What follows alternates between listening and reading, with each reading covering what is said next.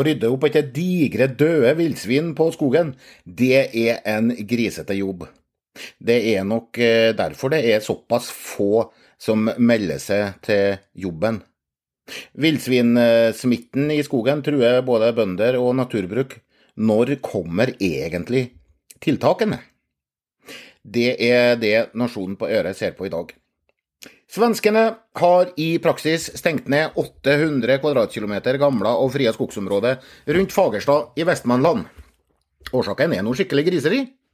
Et titall døde villsvin smitta med virussykdommen afrikansk svinepest gjør det forbudt å gå på tur i terrenget etter sopp, bær eller rekreasjon i det sanksjonerte området.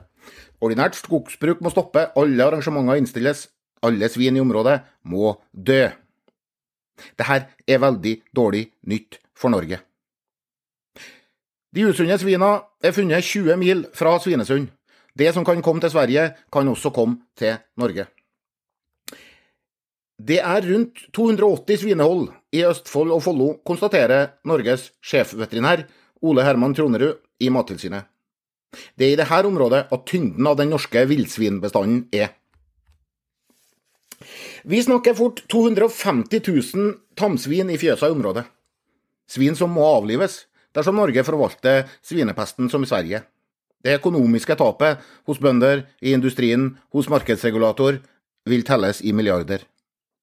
Det svenske smittevernområdet inneholder mest hobbysvinehold. Det er ikke sikkert at landbruks- og matminister Geir Pollestad fra Senterpartiet vil kreve 280 norske svinefrø sanert, om det blir påvist svinepest i Norge. Men hva vil pesten gjøre med forbrukerne?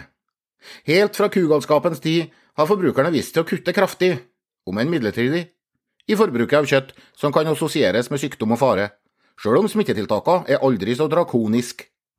Flere land stopper allerede import av svensk svinekjøtt etter funn av svinepest, sjøl om svensk svinekjøtt er trygt å spise. Så finnes det andre skadevirkninger også.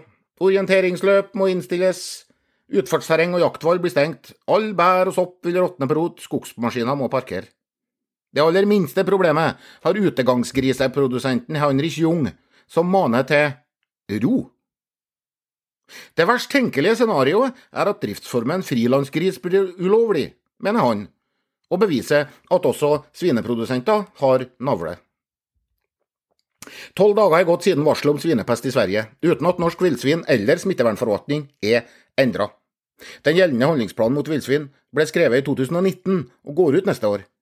Den skal redusere utbredelsen til færrest mulig villsvin på minst mulig område.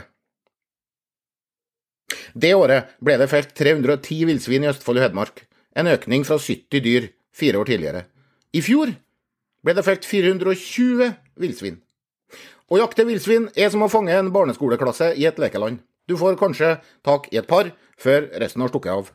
Skremte villsvin løper gjerne over flere eiendomsgrenser, med grunneiere som kanskje, eller kanskje ikke, har lagt til rette for jakt. Mattilsynet skrev for fem år siden at dette viser at jakt på villsvin, slik den utøves og organiseres i dag, ikke vil være tilstrekkelig for å redusere bestanden og forhindre spredning til nye områder. Mattilsynet fikk rett. I 2019 anslo Artsdatabanken en bestand på mellom 400 og 1200 individ i Norge. To år senere anslo Bondelaget mellom 1000 og 2000. Noe har da skjedd. Felling av hanndyr gir 1000 kroner inn på konto hvis jegeren sender inn prøver av dyret. For hunndyr er belønningen 2500 kroner. Men det er stadig vanlig jakt som gjelder. Ingen bruk av motorkjøretøy, og forbud mot bruk av termisk sikte med nokså tvilsom begrunnelse. Begrunnelsen er like god som den er ødeleggende for effektiviteten i jakta, hensynet til jaktetikken. Villsvin lukter jegere på lang avstand. Av samme årsak er de også suckers for åte- og felleuttak. YouTube er stint av viltkamerafilmer der hele flokker av villsvin nyter sitt siste måltid før fella faller ned rundt dem. Mattilsynet peker på felle, fellefangst som en dokumentert effektiv uttaksmetode. Men lov er det ikke, ikke i Norge. Tiltaksplanen ved utbrudd av svinepest, den fra 2019, åpner for tiltak og virkemiddel som ikke beskrives nærmere i denne planen, som det heter. Det synes å være fordi de her tiltakene og virkemidlene ikke er avklart. De ser ut til å mangle, fire år senere. Landbruks- og matministeren forteller at han har hatt møter og følger situasjonen tett. Spørsmålene han ikke svarer på, er hva som skal skje i dag, og hva som skal skje den dagen, for å bruke litt nynorsk, the pig shit hits the fan. Inntil videre så har vi statens sjefveterinær som sier at alle tiltak må gjennom en prosess i forvaltningen. Sjefveterinær Tronerud ønsker ikke å si noe om når tiltakene kan komme, eller hvilke tiltak som kan være aktuelle. De bruker nok YouTube hos Mattilsynet også, og vet at noen metallgrinder og et viltkamera er nok til å fjerne hele villsvinflokka. Og døde villsvin kan ikke smittes. Den svenske landbruksministeren har sagt det er en veldig alvorlig situasjon som risikerer å påvirke vår matforsyning kraftig. Samme alvor later ikke til å ha sevet inn i den norske landbrukssektoren. Det er skummelt for mange flere enn svinebønder og svina deres. Det var Nasjonen på øret i dag. Eh, ja, det, det må nesten gå an på en dag som i dag. Jeg oppfordrer alle til å spise svin til middag.